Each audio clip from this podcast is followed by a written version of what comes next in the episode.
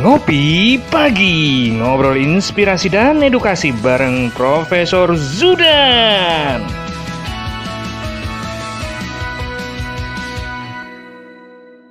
Cara ini didukung oleh Desa Wifi Tol Langit Desa Indonesia Salam bahagia kerabat desa Indonesia, selamat pagi, salam bahagia untuk sahabat Dukcapil. Ngopi pagi bareng Prof. Zudan. Ini udah episode yang ke-23. Pagi ini kita akan mengikuti uh, pembicaraan topik yang dipilihkan oleh tim redaksi dari Dukcapil yaitu kartu identitas anak. Jadi menarik ini ketika uh, anak lahir maka kemudian akan ada kartu identitas anak sampai kemudian uh, beranjak dewasa kemudian baru mendapatkan kartu tanda penduduk jadi diakui sebagai penduduk setelah apa cakap hukum kira-kira seperti itu tetapi yang pastinya Prof. Judan yang akan menyampaikan seperti apa kartu identitas anak ini. Selamat pagi, Prof. Selamat pagi, Assalamualaikum warahmatullahi wabarakatuh. Mas Suryo Koco, sahabatku yang baik hati, rekan-rekan TV Desa dan kerabat desa yang berbahagia, serta sahabat Dukcapil semuanya. Semoga selalu sehat, selalu berbahagia, tidak kurang suatu apa pun. Amin. Jangan lupa terus pencegahan penularan COVID-19 saya baru saja mencopot masker saya tadi pakai masker, Mas. Nah, ini harus kita pakai karena harus berbicara, kita lepas dulu.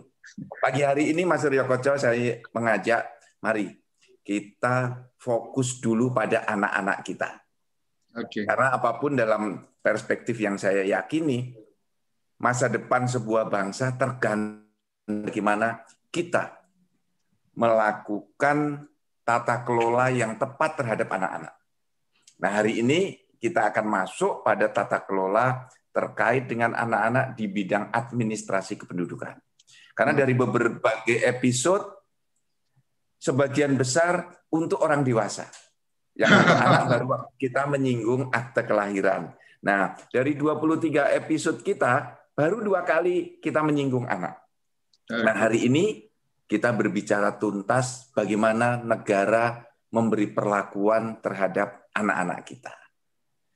Tentu saja dalam perspektif administrasi kependudukan. Mas Suryo Koco, kalau iya. kita kilas balik ke belakang, 75 tahun Indonesia merdeka, atau kita lakukan cut off sampai dengan 2015, berarti kurang lebih ada 70 tahun Indonesia merdeka sampai dengan 2015. Hmm. Di Indonesia yang diberi identitas itu orang dewasa. Ya. Dulu kan kita ingat KTP diberikan kepada penduduk yang sudah 17 tahun ke atas. Ya. Atau belum 17 tahun tetapi sudah menikah. Nah pertanyaannya, anak-anak kita itu kartu identitasnya apa? Hmm, ya. Maka kami teringat arahan Presiden Republik Indonesia Pak Jokowi.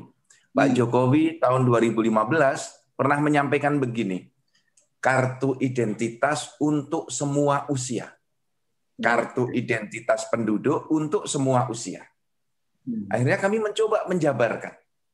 Karena setelah kita memperhatikan dalam perspektif 70 tahun Indonesia merdeka, anak-anak kita itu hanya memiliki satu dokumen kependudukan. Hmm. Ya, yang untuk dirinya yang disebut dengan akte kelahiran. Kemudian ada dokumen bersama yang disebut dengan kartu keluarga. Hmm.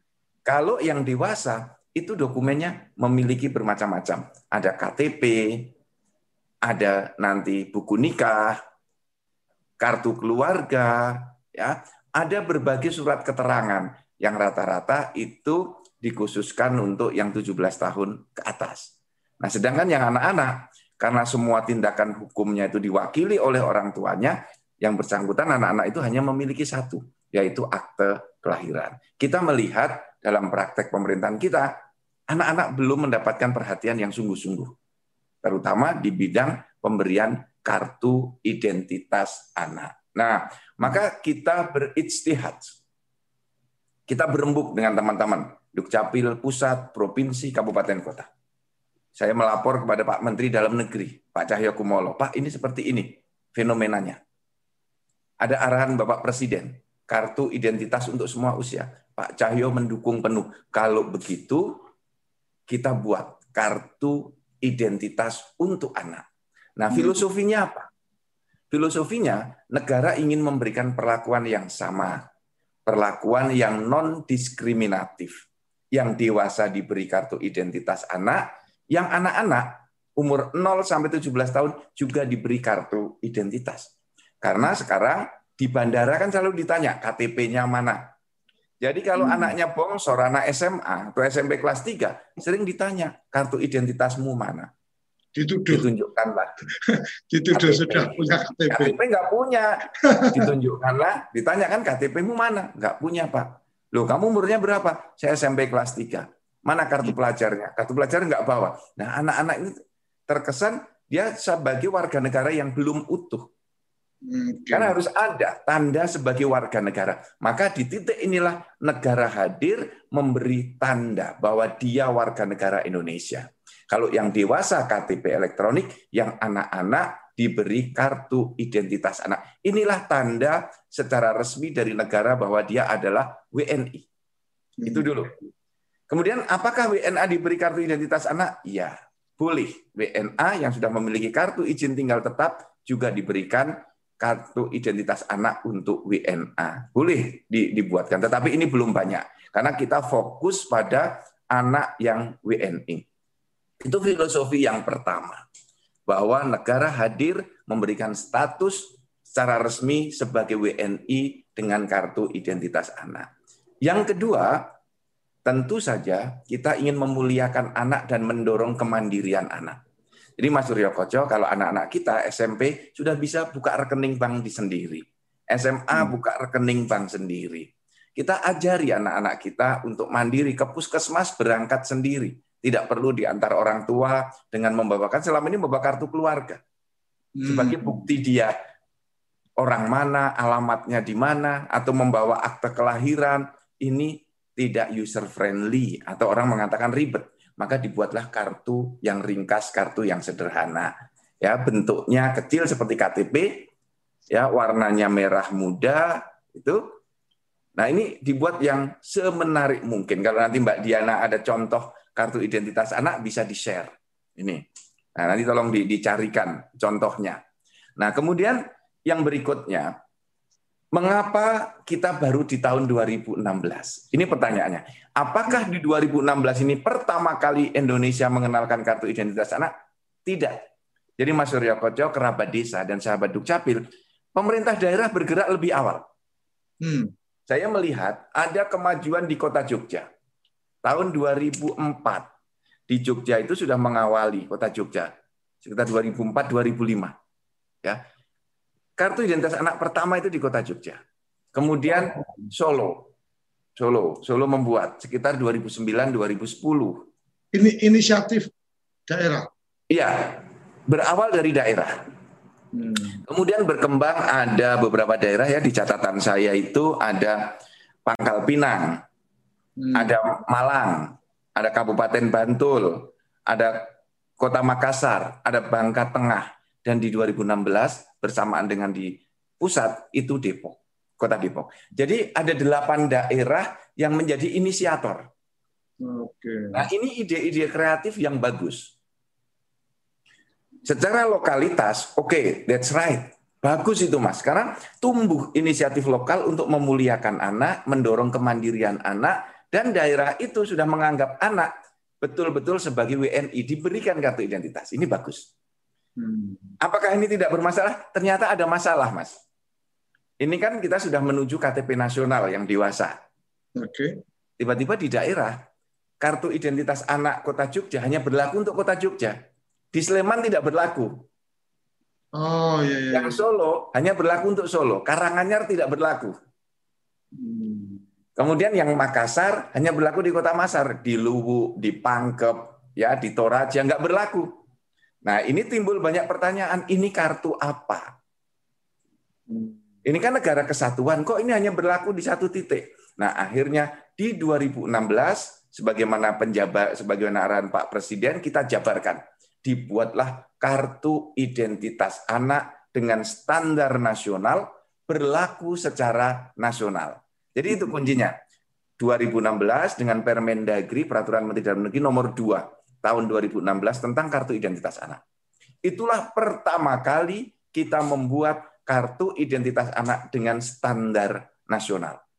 Berlaku nasional dengan standar nasional dan berbasis NIK di SIAK. Jadi langsung terintegrasi dengan data nasional. Nah, inilah gerakan pertama di Indonesia kartu identitas anak secara massal. Nah, kemudian berkembang, berkembang, berkembang terus. Sekarang progresnya menggembirakan. Jadi Mas Suryo Koca sekarang sudah berlaku di 514 kabupaten kota. Sampai di ujung Papua pun sudah berlaku kartu identitas anak. Walaupun jumlahnya belum besar. Secara nasional, kepemilikan kartu identitas anak sekarang baru 21 persen. Ini. Jadi kita tingkatkan setiap tahun ya menuju naik diperkirakan bisa 10 persen naiknya. Jadi tahun ini tahun depan itu di 30 persen. Tahun ini kira-kira 21-22 persen nanti tahun depan 30 sampai 35 persen itu harapan kita. Nah, sehingga 10 tahun ke depan Indonesia sudah semua anak paling tidak cakupannya sudah di 90 persen. Nah, inilah ikhtiar kita untuk mendorong kemandirian anak, bentuk pengakuan negara kepada anak, dan agar kita juga bisa setara dengan negara lain. Jadi Mas Suryo Koco, bahwa kartu identitas anak ini juga berlaku di berbagai negara. Contoh dalam catatan saya nanti Mbak Diana atau tim redaksi yang menyiapkan slide-nya bisa ditunjukkan di berbagai negara. Misalnya contoh yang ada kartu identitas anak di Belgia. Gitu. Kemudian di Turki. Kalau di Belgia itu mulai enam tahun sampai dengan 12 tahun diberi kartu identitas anak. Kalau di Turki dari 0 tahun. Jadi dari bayi baru lahir. Kemudian dari di Swiss. Di Swiss itu diterbitkan dari 0 tahun sampai 18 tahun. Kemudian ada juga kartu identitas anak di Swedia. Hmm. Nah, di Swedia dibuatkan dari bayi baru lahir sampai dengan 13 tahun. Di Malaysia juga ada, disiapkan. Namanya MyKid. Tahun 2014 saya berkunjung ke Malaysia mempelajari tentang kartu identitas untuk orang dewasa dan untuk anak-anak. Apakah tampak eh, di layar? Ada. Coba ditampakkan itu. Kemudian juga ada di Amerika Serikat juga disiapkan kartu identitas anak untuk anak umur 0 sampai dengan 15 tahun. Jadi dalam praktek internasional itu juga disiapkan kartu identitas untuk anak-anak. Jadi Indonesia tidak sendirian. Di berbagai negara juga sudah menerapkan itu. Bah, kita tidak berada di ujung belakang yang menerapkan kartu identitas anak, tetapi juga bukan yang pertama-tama di dunia. Nah, manfaatnya untuk apa kartu identitas anak ini? Tentu saja orang akan mau mengurus kalau ini memberikan manfaat. Pertama, dari aspek kepentingan negara dulu. Negara ingin mendata betul-betul warga negaranya, mulai dari anak-anak sampai dengan dewasa. Bentuk pendataannya seperti apa? Ingin memberikan identitas dengan nama yang benar sejak awal. Maka agar kartu identitas anak itu dipegang oleh anak yang sudah cukup bisa mengelola kartu identitas anaknya. Kalau masih bayi sampai TK disimpan orang tuanya. Tetapi kalau ditanya saat berobat di rumah sakit, anaknya siapa? Tidak perlu orang tuanya mengucapkan nama karena bisa salah spelling. Hmm. Salah ucap, tunjukkan kartunya, dicatat misalnya di sekolahan, di perbankan, di puskesmas, namanya tidak salah lagi. Kemudian saat buka rekening, ngurus di bank, membeli tiket, anak-anak mendaftar sekolah, cukup tunjukkan kartunya. Sehingga sejak awal pendataan dengan NIK itu bisa dilakukan dengan baik. Ini untuk kepentingan negara. Apa kepentingan anak-anak? anak-anak merasa kalau dalam bahasa sosial diuwongke sejak dini. Ini loh nak, kamu sudah diakui oleh negara. Kamu harus bertindak benar, sebab semua nanti perilakumu bisa tercatat dalam transaksi Adminduk Indonesia. Dan kamu sekarang sudah betul-betul diakui. Kamu bisa gunakan ini untuk apa? Nah, banyak daerah nanti silakan Pak Helmi, Pak Kadis Solo, Pak uh, Pak Ir Kadis dari Tanjung Pinang menjelaskan manfaatnya untuk apa. Nah, manfaatnya anak-anak ini bisa mendapatkan berbagai fasilitas dari toko-toko, dari tempat-tempat hiburan, pariwisata, ya, dari tempat perbelanjaan, tempat-tempat pendidikan. Jadi ada multifungsi selain sebagai kartu identitas juga untuk sebagai kartu mendapatkan fasilitas tambahan dari negara. Tentu saja ini membutuhkan kreativitas dan inovasi dari kepala dinasnya. Bagaimana cara membuat kartu identitas anak? Kerabat desa semuanya untuk membuat kartu identitas anak tidak terlalu sulit. Nah, saya ingin buka aturan yang sudah ada di dalam sistem regulasi kita di Permendagri nomor 2 tahun 2016. KIA itu dibagi dua. Pertama untuk anak umur 0 sampai 5 tahun. Ini bisa diterbitkan otomatis. Jadi Mas Suryo Koco, inilah program Dukcapil layanan terintegrasi. Pembuatan akte kelahiran otomatis nanti dengan kartu identitas anak. Karena untuk membuat KIA di bawah umur 5 tahun tidak perlu foto. Nah, KIA untuk yang kedua adalah untuk lima tahun ke atas. 5 tahun sampai dengan 17 tahun kurang satu hari ada fotonya. Nah, oleh karena itu maka kepada anak-anak kita, orang tua kita, eh, teman-teman, ayah bunda semuanya, buatkan kartu identitas anak kita saat bersamaan dengan membuat akte kelahiran. Nah, cukup bawa KTP orang tua ya untuk menunjukkan siapa uh, orang tuanya. Kemudian untuk anak-anak yang di bawah lima tahun dibuat bersamaan saat membuat akte kelahiran dan yang di atas lima tahun tolong saat mengurus bawa fotokopi akte kelahiran, KK, kartu keluarga, kemudian KTP elektronik kedua orang tuanya. Jadi masa berlakunya berapa tahun kartu identitas anak? Kalau untuk anak-anak 0 sampai 5 tahun berlakunya 5 tahun maksimal. Nanti setelah 5 tahun sampai 17 tahun dibuatkan KIA lagi. Nah, KIA habis masa berlakunya setelah dibuatkan KTPL pada umur 17 tahun. Nah, saat umur 17 tahun langsung didorong anak kita untuk melakukan perekaman. Seperti itu pengantar awal dari saya Mas Suryo Koco. Terima kasih.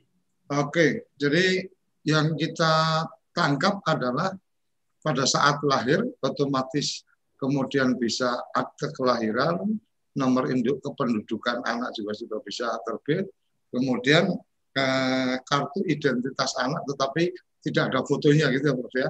Iya. Setelah lima tahun uh, itu bisa diurus untuk kemudian ada fotonya berlaku sampai umur apa uh, menjelang 17. Begitu 17 dia sudah punya hak untuk mendapatkan kartu tanda penduduk. Artinya apa uh, sebagai penduduk kartu tanda penduduknya dia bisa dapat setelah umur 17 tahun. Kira-kira ya. gitu ya Prof ya. Betul Mas Rio Kacau. Jadi bertransformasi dari anak-anak menuju dewasa dengan cut off diberi KTP elektronik. Seperti itu sistem administrasi kependudukan kita di Indonesia.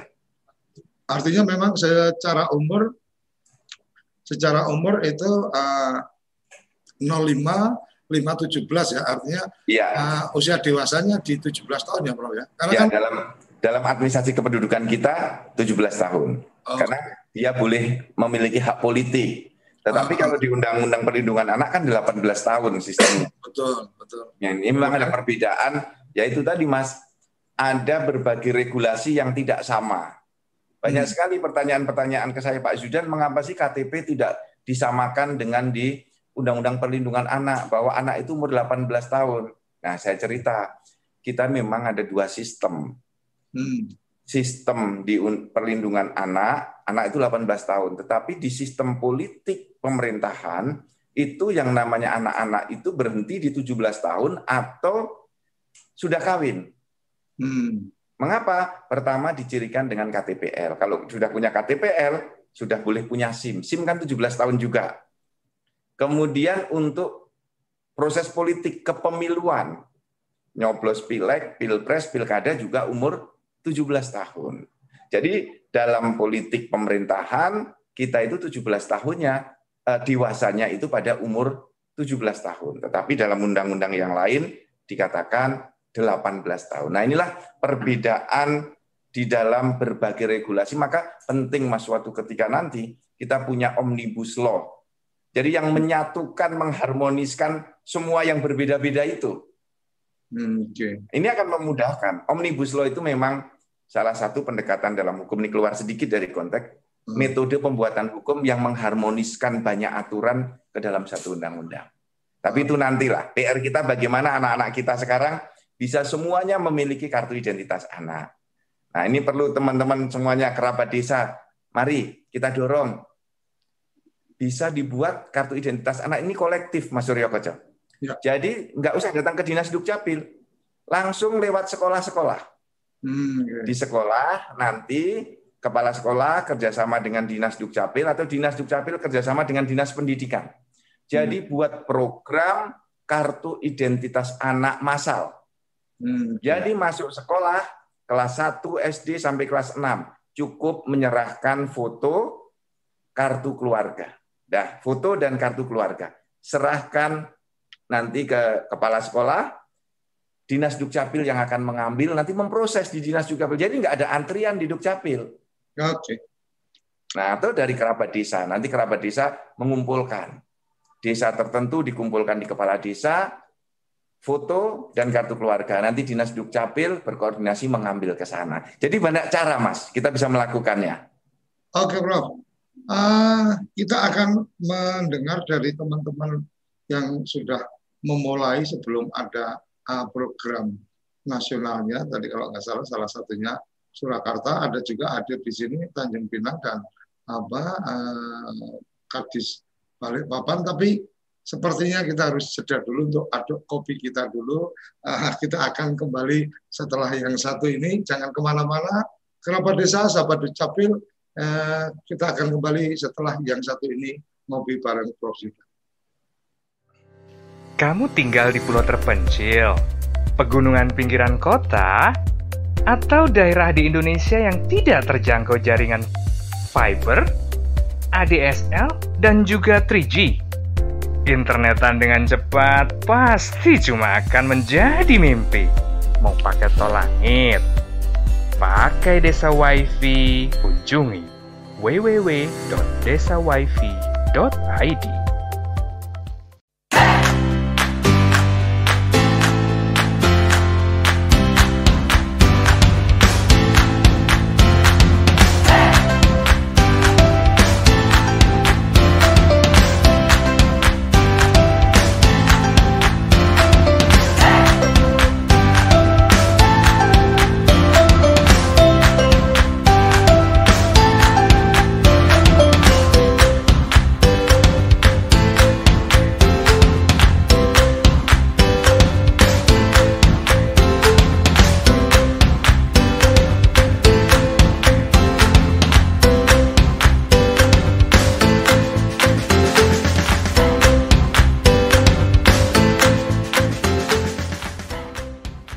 toko IG.id, toko Instagramnya orang Indonesia.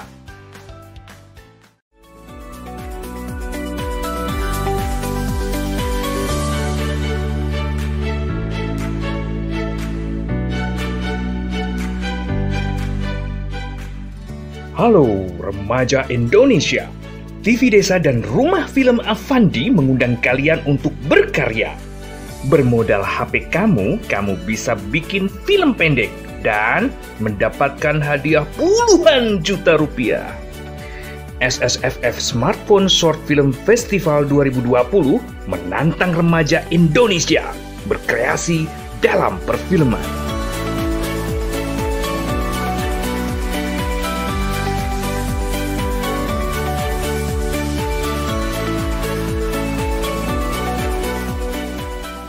Lengkap kunjungi www.ssff.tvdesa.id.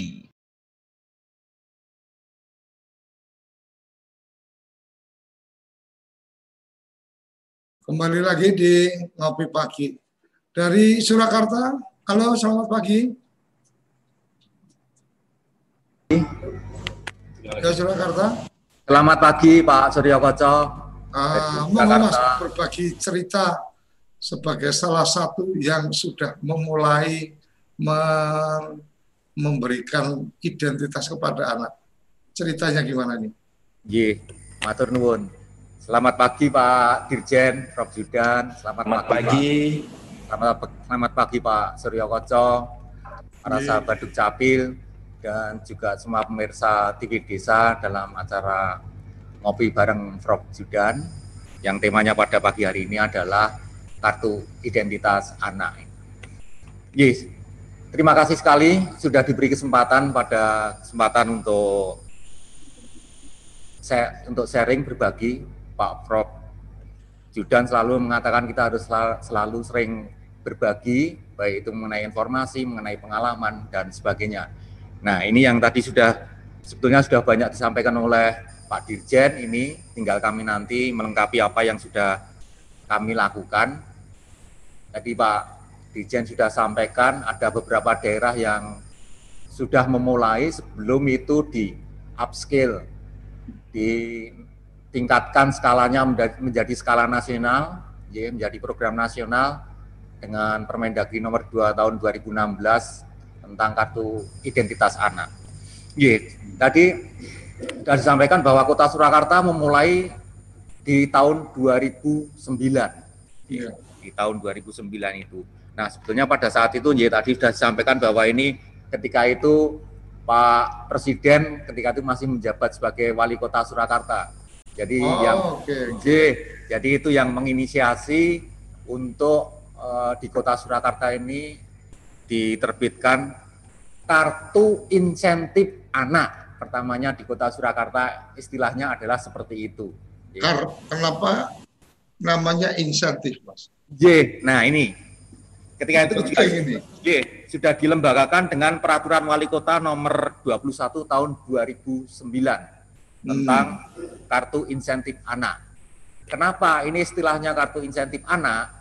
Nah, sebetulnya dua fungsi, dua fungsi.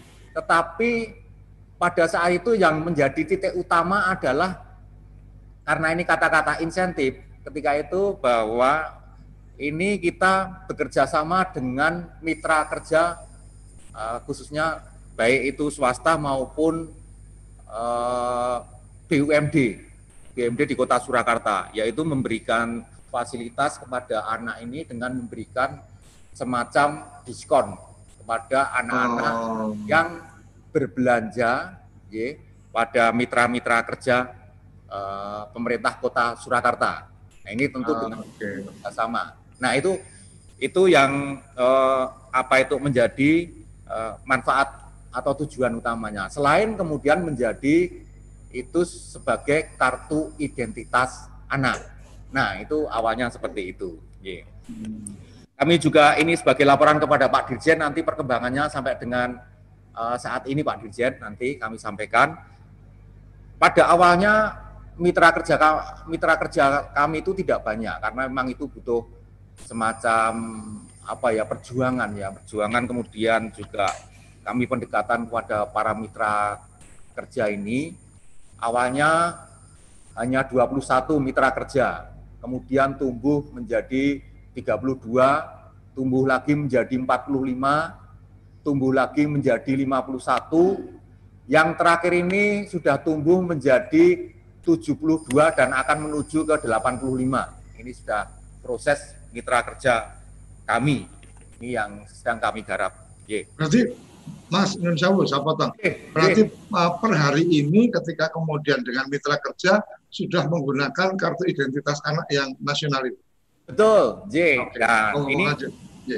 dalam perjalanannya kemudian uh, sebetulnya ini kan tadi ini bersinergi dalam rangka manfaatnya adalah untuk peningkatan pendataan.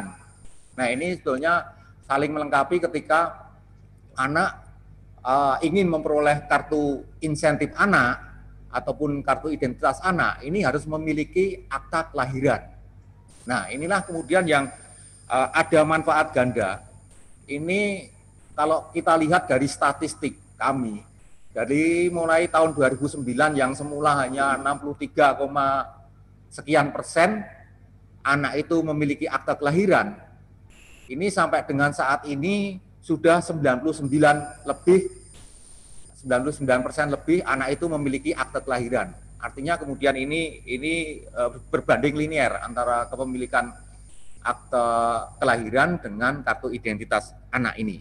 Ya. Hmm, ya. Nah itu kemudian yang di tahun 2016, tahun 2016 itu kemudian tadi uh, sudah di upscale, ya skalanya dinaikkan menjadi tingkat nasional, ini menjadi program nasional. Kemudian kami di Kota Surakarta juga menyesuaikan dengan peraturan Mendagri nomor 2 tahun 2016 itu dengan melakukan perubahan perwali dengan perwali nomor 3 tahun 2017 tentang kartu identitas anak. Karena hmm. ini sudah menjadi program nasional, uh, kami harus menyesuaikan semuanya. Uh, peraturan itu yang semula kartu insentif anak menjadi kartu identitas anak itu. Nah, ini kan sebetulnya suatu inovasi dan inovasi itu tidak boleh berhenti, harus berkelanjutan seperti itu. Makanya kami kemudian berintegrasi, kami kembangkan yang terakhir ini tadi Pak Dirjen sudah sudah sampaikan bisa untuk membuka rekening. Ini kami uh, bekerja sama dengan BNI 46 ini kemudian mengembangkan kartu identitas anak ini menjadi sila KIA. Simpan pelajar kartu identitas anak. Ini. Oh. Oke. Okay. Ini sudah kami kembangkan. Kepanjangannya apa?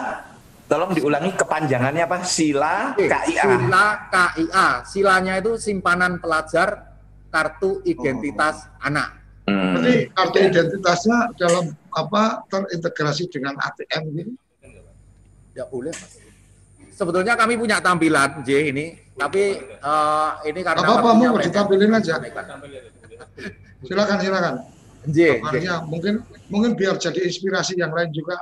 Oh bisa pakai yang jadi yang, kayak gini. Yang di sila KIA. J. Kartunya ya apa mas? Kartunya enggak muncul ya, mas. Contohnya enggak muncul gini. ini, enggak Oh berarti ini dikoneksikan antara kartu identitas anak digunakan untuk membuka Iya. J, J. Jadi kemarin ada penilaian dari dalam rangka kompetisi inovasi pelayanan publik. Hmm. Nah ini kartu identitas anak ini kemarin itu memang dari Kemen, Kemenpan RB ini menjadi salah satu nominator ini Kemudian Pak Wali sendiri kemarin yang presentasi bahwa ini dikembangkan menjadi sila KIA, ya, simpanan pelajar kartu identitas anak. Nah ini apa perubahannya dengan menggunakan menjadi sila KIA ini? Sebelumnya diskon yang diterima oleh para anak-anak ini ini dikembalikan dalam bentuk cash, dalam bentuk cash. Misalnya berbelanja 100 ribu, diskonnya dengan mitra kerja berdasarkan perjanjian kerjasama itu 20 persen. Berarti ada pengembalian 20 persen. Ini dikembalikan kepada anak diterima oleh orang tuanya. Seperti itu. Dalam bentuk cash. Artinya, artinya sekarang ketika kemudian ada fasilitas diskon, itu kemudian uh, cashbacknya itu masuk ke tabungan. Masuk ke tabungan atas nama Oke. anak. Atas nama anak. Nah ini yang kemudian, uh, ini kebijakan kami, uh, kebijakan Pak Wali Kota di daerah ini nggak boleh diambil sampai dengan usia 17 tahun nanti. Tidak boleh diambil diskon ini. Oh, semua yeah. semua fasilitas yang diberikan oleh mitra yeah. dalam bentuk diskon, diskon itu memang benar-benar jadi tabungan yang kemudian tidak boleh diambil. Jadi kalau kalau zaman uh, saya kecil dulu kayaknya ada yang istilahnya simpanan berjangka kita nggak boleh ambil sampai kapan. Ada tabanas itu tabungan nasional yang kita boleh keluar masuk. Kalau yang ini uh, di uh, dia baru bisa ngambil setelah umur 17 atau setelah Ye, mendapatkan KTP itu. Y, ini dalam rangka juga untuk uh, apa? Untuk sedini mungkin memberikan budaya pada anak untuk menabung ini untuk menabung memaksa untuk menabung ya. J, ini menabung sejak dini juga ini kan suatu saat ketika mereka mungkin nanti terkumpul juga cukup banyak itu untuk kepentingan mereka melanjutkan ke pendidikan jenjang pendidikan yang lebih tinggi seperti itu. Iya. Oke, oke, oke. Luar biasa. Itu itu kerjasamanya berarti kerjasama di lokal kota ya antara BNI lokal kota dengan apa eh, pemerintah kota itu. J ini seperti itu. Nah ini sudah kami karena ini perintah dari Pak Wali bahwa semua anak yang ber KIA ini harus memiliki rekening, masing-masing memiliki, rekening. Nah, hmm. rekening ini Pak Wali sampaikan tidak hanya berfungsi sebagai menampung diskon ini, suatu saat ada program dari pemerintah Maksudnya yang itu memberikan bantuan kepada anak. Hmm. Ini tidak masuk ke dalam rekening orang tua, tetapi masuk ke dalam rekening anak ini. Seperti itu. Uh, Karena di Solo, J, di Solo artinya, juga ada yang namanya BPMKS, bantuan pendidikan masyarakat Kota Surakarta. Hmm. Y. Nah ini memang khusus untuk anak-anak yang masuk dalam keluarga miskin. Nah ini nanti uh, itu bisa uh, apa itu nanti di ketika berbelanja diskon itu masuk di sana semua. Nah, Oke. Okay. seperti itu. J. Ini yang dikembangkan di Kota Surakarta. Oke. Okay. Sekarang kami merintis merintis tadi perintah dari Prof Judan kita tidak bekerja secara apa ini secara uh, satu persatu begitu ya. Tetapi kita lakukan secara kolektif. Kita hmm. bekerja sama dengan dinas pendidikan ini. Ya betul. Ya dinas pendidikan kemudian kita juga masuk ke sekolah-sekolah yang berdasarkan pemetaan mana sekolah yang belum memiliki KIA kemudian juga nanti kami sekaligus akan menerbitkan uh, buku simpanan pelajar ini sekaligus ini. Ini di awal ini sudah 135 kami terbitkan kemarin karena kami barusan rapat hari kemarin itu, hari Selasa dengan pihak BNI 46. Awal ini sudah 135 rekening diterbitkan oleh BNI 46. Dan ini akan kami tiap hari progresnya akan kami jaga terus supaya semua anak data kami data hmm. kami itu wajib KIA itu sekitar 144 ribu anak Sementara kami sudah mencapai 123 ribu anak itu memiliki KIA. Sekitar 86 persen lebih sudah ber-KIA dan kami apa ini bertekad untuk kami sisir semua sisa sekitar 14 persen anak ini semuanya supaya ikut memiliki KIA ini. J. Ini dari kami J. Barangkali secara singkat itu Oke. Okay. Matur nuwun. Matur nuwun, Solo, Surakarta. Jadi lebih enak manggil Solo walaupun kotanya Surakarta. Oke, okay. selanjutnya kita akan apa mengundang dari eh, mana tadi Pangkal Pinang ya. Halo?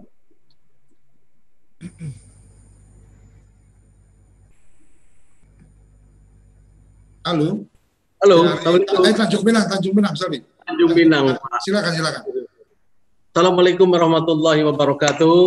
Waalaikumsalam warahmatullahi Selamat pagi Pak Dirjen yang kami hormati, Pak Surya Koco dan teman-teman uh, di Capil serta pemirsa TV Desa yang kami hormati. Uh, kami sangat berterima kasih kepada Pak Dirjen yang sudah memberikan kesempatan kepada kami dari Tanjung Pinang untuk bisa bergabung di dalam acara ngopi bersama Pak Zudan. Pak Profesor Zudan yang kami hormati bahwa Tanjung Pinang eh, untuk KIA kami mulai pada tahun 2017. 2017 itu kami juga hanya memulai waktu itu hanya sekitar empat bulan karena pada waktu itu kami memang tidak memiliki alat untuk pencetak KIA, tapi yang kami pakai adalah pencetak KTP. Hmm. Tapi dengan target di restra kami, di RPJDM kami bahwa sampai dengan tahun 2020 kami harus mencapai 60 persen.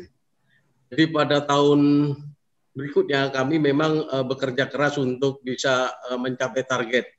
Tapi alhamdulillah Pak Dirjen uh, sampai saat sekarang per 14 Oktober itu di, di Tabel Tanjung Pinang sudah mencapai 58,89 persen. Dari uh, jumlah anak itu 64.949.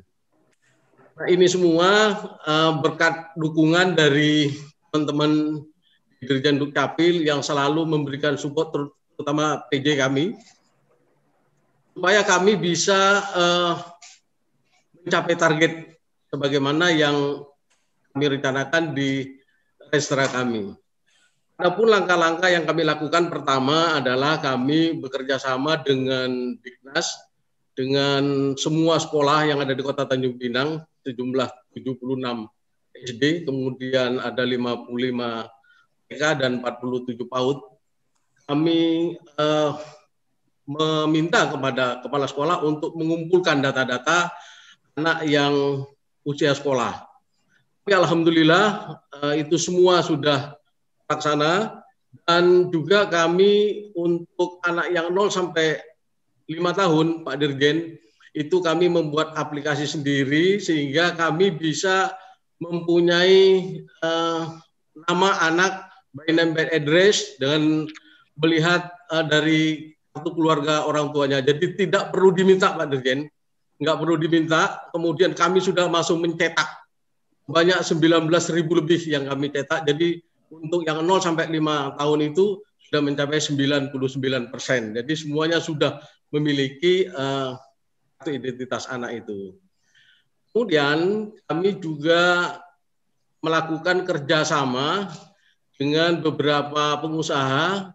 Ini merupakan dorongan kepada orang tua agar uh, orang tua punya inisiatif untuk membuatkan kartu identitas anak. Salah satu seperti tadi teman kita dari Surakarta, kita juga ada potongan harga 10% Pak Dirjen kita bekerja sama dengan toko sepatu, kemudian toko buku, kemudian tempat makanan khusus, kemudian tempat bermain anak, tempat wisata, itu juga kita lakukan sehingga ketika anak kita menunjukkan kartu identitas anak, itu dia bisa mendapat potongan harga.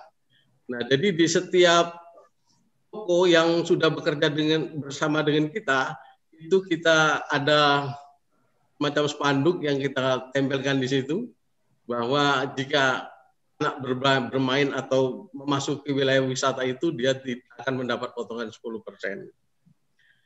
Kemudian juga Pak Dirjen, kami eh, bersama Ibu Wali Kota dulu almarhum Wali Kota Pak Sahrul, kita sudah sepakat akan mensubsidi.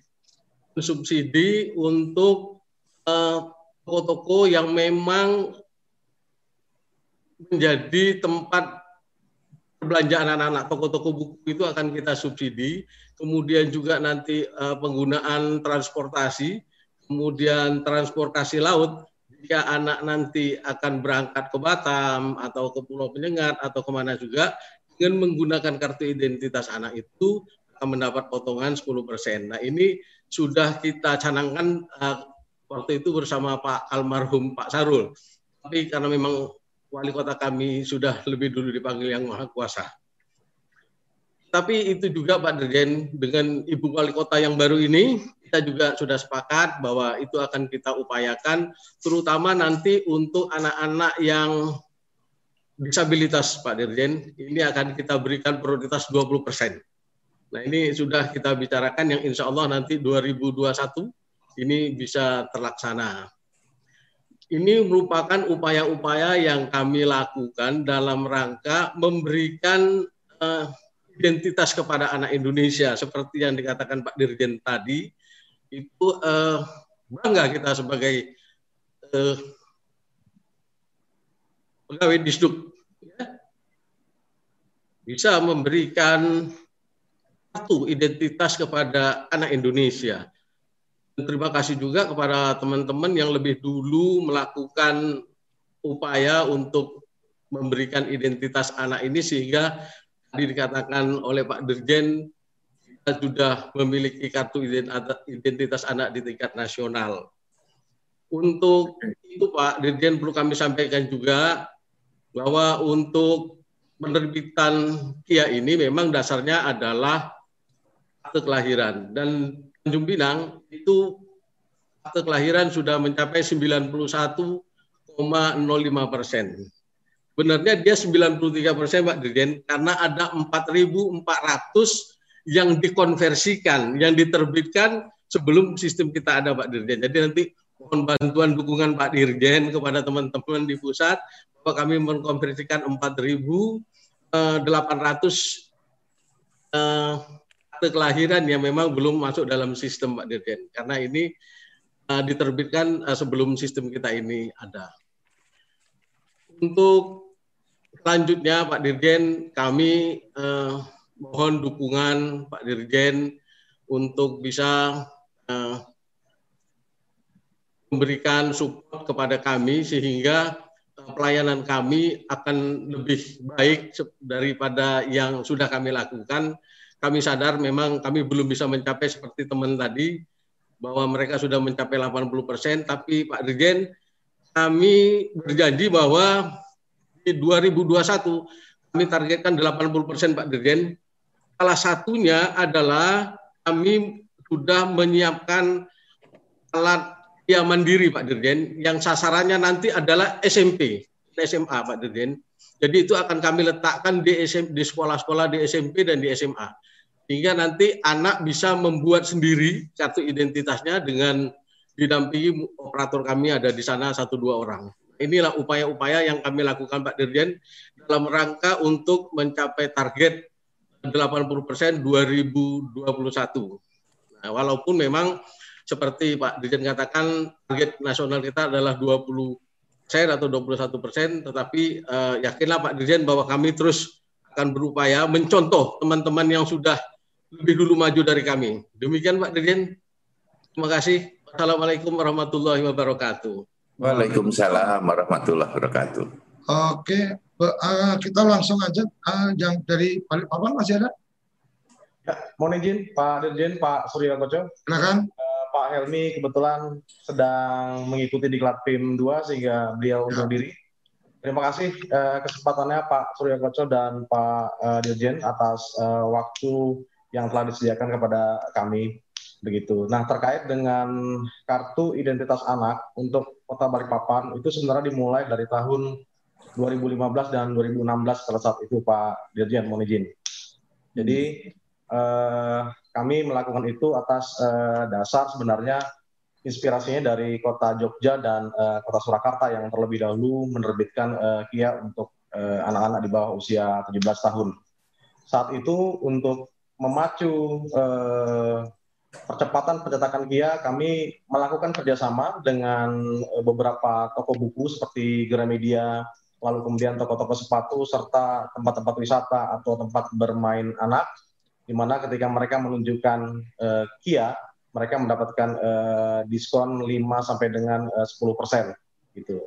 Dan pada tahun 2015 itu Kota Balikpapan telah uh, melakukan pencetakan Kia sebanyak 55.195 dan perlu kami laporkan setelah terbitnya Permendagri nomor 2 tahun 2016 yang saat ini target pencetakan Kia di Kota Balikpapan untuk anak 0 sampai 18 tahun adalah 194.868. Saat ini itu sudah tercetak 63.567 atau 32,62 persen. Tetapi jika digabungkan dengan pencetakan Kia daerah yang pernah kita lakukan di tahun 2015 dan 2016, yaitu 55.195, maka total cetak Kia yang telah uh, Pemkot Balikpapan lakukan adalah 115.837 atau 62 persen. Nah, uh, kami di tahun 2018 telah melakukan uh, sesuai dengan instruksi Pak Dirjen melakukan inovasi dengan uh, 3 in 1 sehingga anak-anak yang lahir atau mengurus akte kelahiran langsung mendapatkan kartu identitas anak. Untuk anak-anak yang berusia di atas 6 sampai dengan 17 tahun, Pak Dirjen, kami uh, telah melakukan kerjasama dengan Dinas Pendidikan uh, dan masing-masing sekolah untuk melakukan pencetakan massal yang alhamdulillah uh, dua tahun ini uh, berjalan untuk uh, sekolah khususnya tingkat uh, SD. Mungkin di tahun 2021 nanti kami akan melakukan kerjasama dengan sekolah-sekolah uh, SMP mungkin itu yang uh, bisa kami sampaikan. Mohon izin Pak Dirjen, Pak Surya Koco. Terima kasih. Assalamualaikum warahmatullahi wabarakatuh. Waalaikumsalam warahmatullahi wabarakatuh. Prof, ini menarik ketika kemudian sekarang digital itu apa sesuatu yang sudah melekat dalam kehidupan hari-hari, kemudian anak-anak sudah diberikan identitas.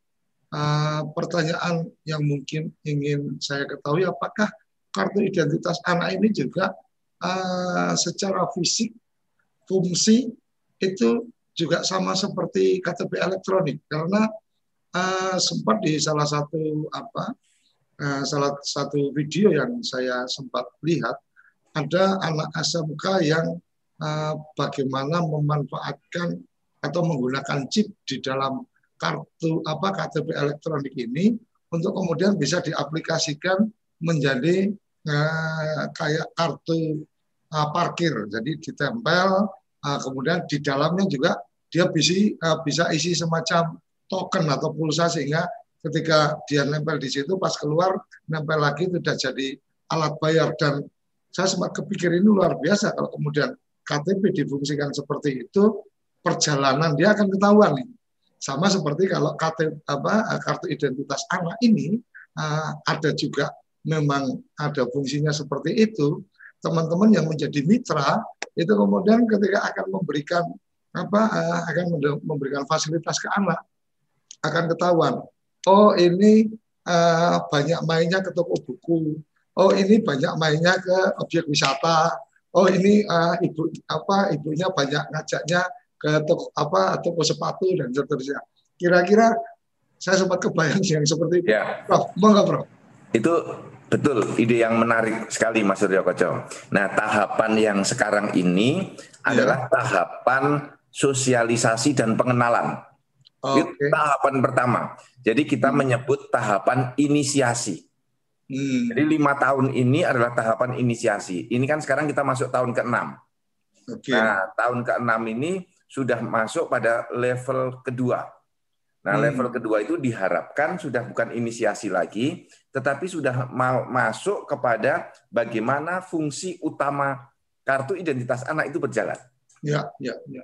Apa itu fungsi utama? Sebagai identitas, sehingga sebagai kartu identitas, sehingga anak ini ke mana-mana sudah membawa kartu identitas itu.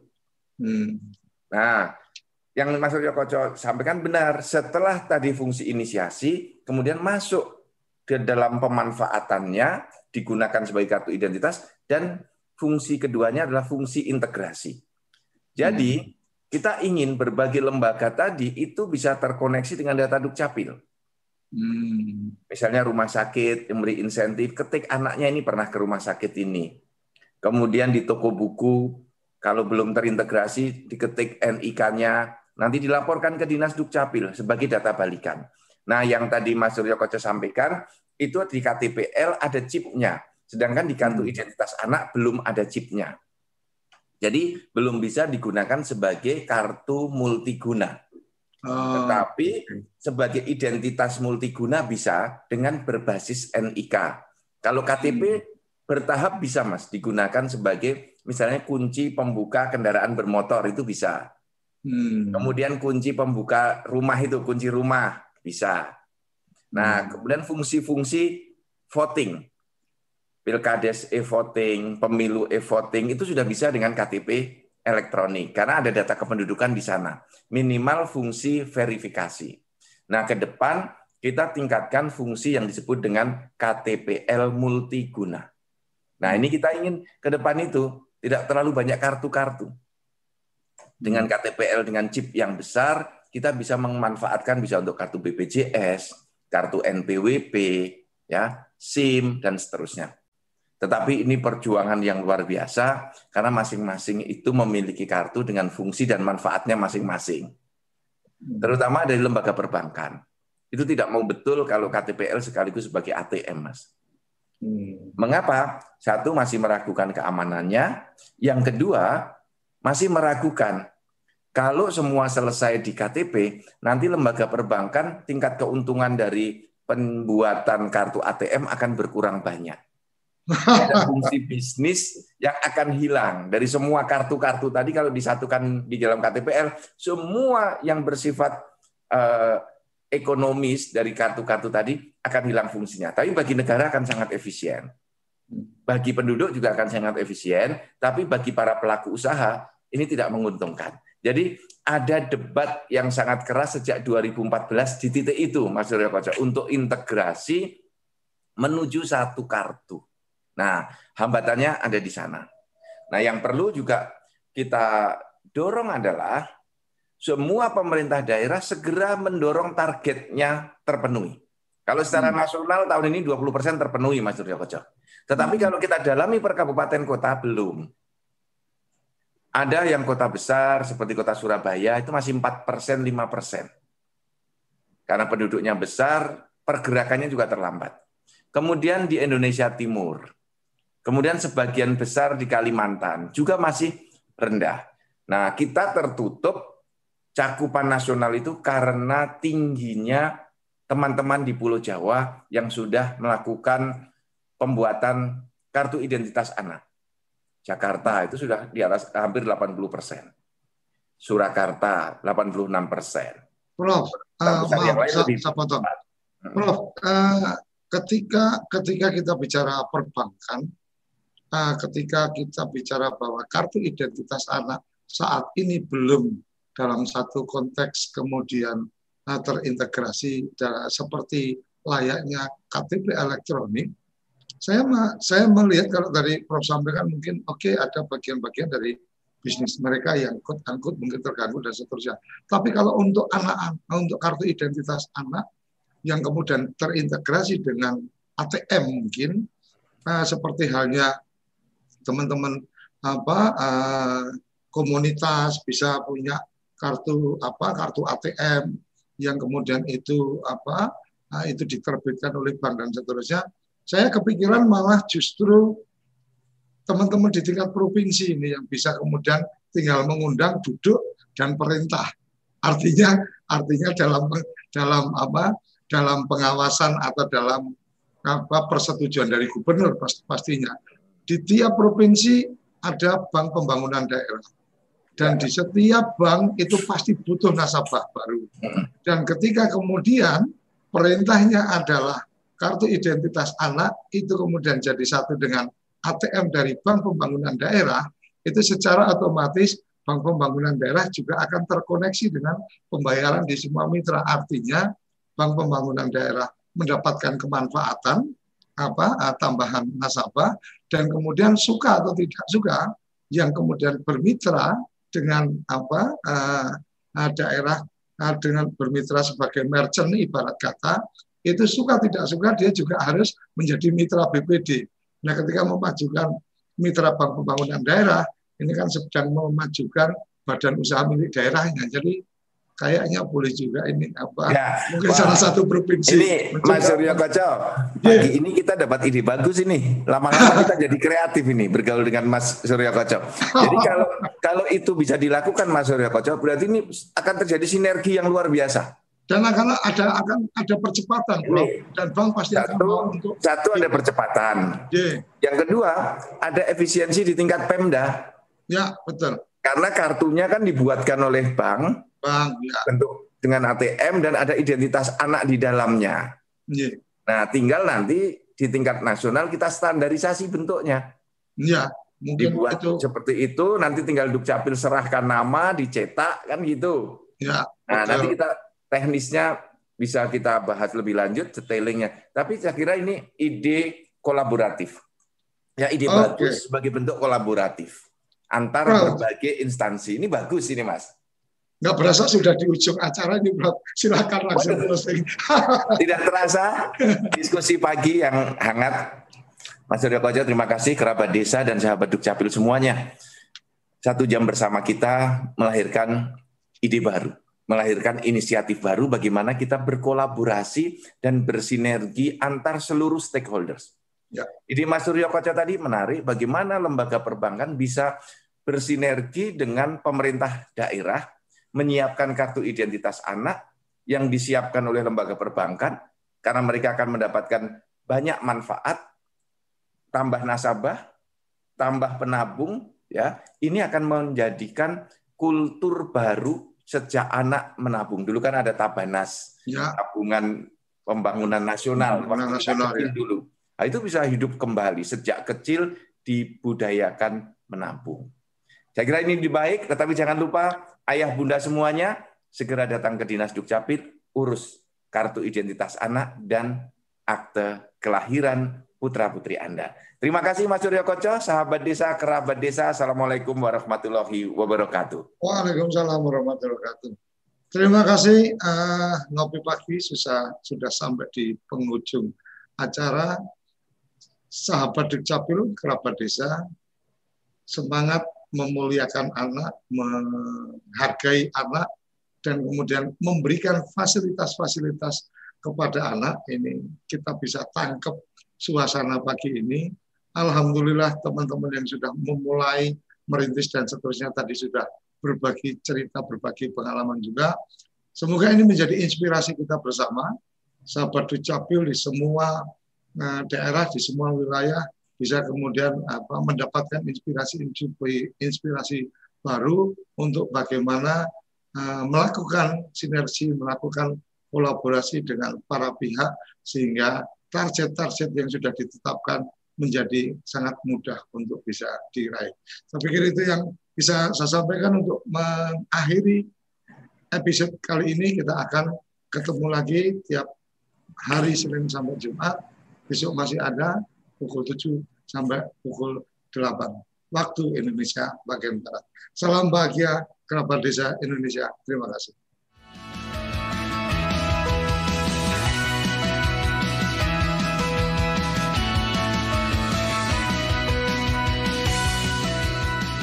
Ngopi Pagi, ngobrol inspirasi dan edukasi bareng Profesor Zudan.